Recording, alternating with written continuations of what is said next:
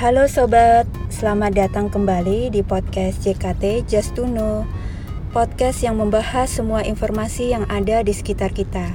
Jadi, lebih baik terlambat daripada tidak sama sekali ya.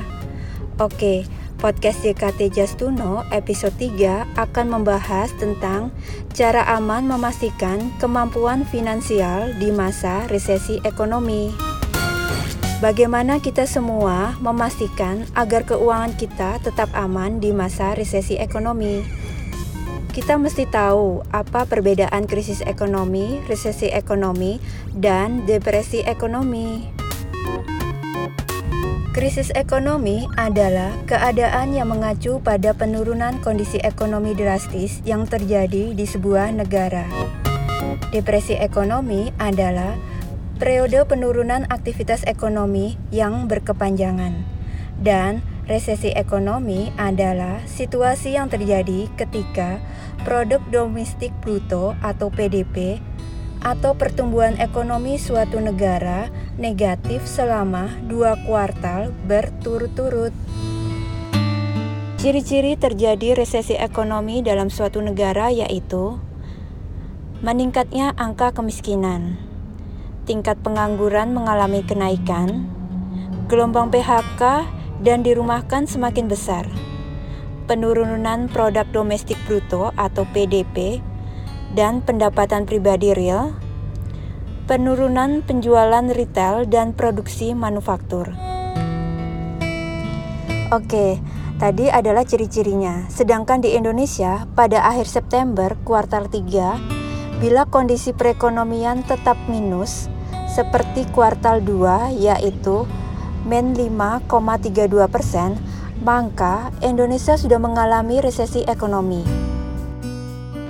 Ada beberapa cara aman yang bisa dilakukan untuk memastikan kemampuan finansial di masa resesi ekonomi, yaitu 1. Siapkan kapasitas dana darurat. Bila saat ini Anda berada dalam posisi di mana Anda masih memiliki penghasilan, maka saat yang tepat untuk mulai menyiapkan dana darurat. Alokasi dana darurat yang harus dimiliki itu tidak pasti, karena ukuran ideal setiap orang itu tidak sama, sekitar 3-6 kali lipat pengeluaran bulanan mereka atau lebih yang disesuaikan dengan kebutuhan keluarga, status pernikahan, kondisi ekonomi, serta penghasilan yang dimiliki. 2 Belanja sesuai kebutuhan, bukan keinginan. Pembelanjaan konsumtif rumah tangga untuk hal-hal penting di Indonesia justru menjadi salah satu pendorong ekonomi yang dominan. Lakukan pembelanjaan secara normal dan sesuai kebutuhan. 3. Pangkas tagihan kartu kredit. Kurangi penggunaan kartu kredit di masa pandemi dengan bunga yang tinggi dapat mengurangi tekanan arus kas bila mengurangi penurunan keuangan. Jadi, jangan pernah menggunakan kartu kredit untuk berbelanja dan segera lakukan pelunasan tagihan kartu kredit. 4. Cari penghasilan pasif.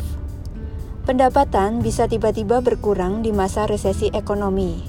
Maka, untuk mengamankan kemampuan finansial Anda, dengan cara melakukan hal kreatif, inovatif untuk mendapatkan penghasilan pasif dengan berbisnis kecil-kecilan. Misalkan membuat masakan, kue, minuman, atau menjadi reseller untuk berbagai produk dengan menggunakan aplikasi jual beli online seperti Shopee, Lazada, Bukalapak, dan lain sebagainya. 5. Pilih investasi yang berisiko rendah. Di masa resesi ekonomi, bila kesiapan dana darurat sudah mencukupi, maka kita dapat terus lakukan investasi secara teratur dengan pilihan risiko yang lebih rendah, misalkan reksadana pendapatan tetap, obligasi negara retail, deposito, dan emas. 6. Siapkan asuransi. Asuransi adalah cara aman memastikan kemampuan finansial keluarga agar tetap stabil dan sehat di masa depan. Apabila Anda sebagai kepala keluarga, maka lindungi Anda dan anggota keluarga Anda dengan asuransi kesehatan maupun asuransi jiwa untuk jadi bekal bagi keluarga dan bila terjadi sesuatu pada kepala keluarga. Dampak resesi ekonomi di mana produk domestik bruto atau PDB suatu negara berhenti tumbuh dan mulai mengalami penurunan, sehingga di masa resesi ekonomi hampir semua orang menderita kerugian, baik secara individu maupun perusahaan raksasa sekalipun akan mengalami resesi ekonomi. Jadi, kita semua harus lebih bijaksana dalam mengatur keuangan untuk menghadapi masa depan yang tidak pasti. Semoga sharing informasi kali ini dapat memberikan pengetahuan dan manfaat bagi kita semua, ya. Sampai ketemu lagi.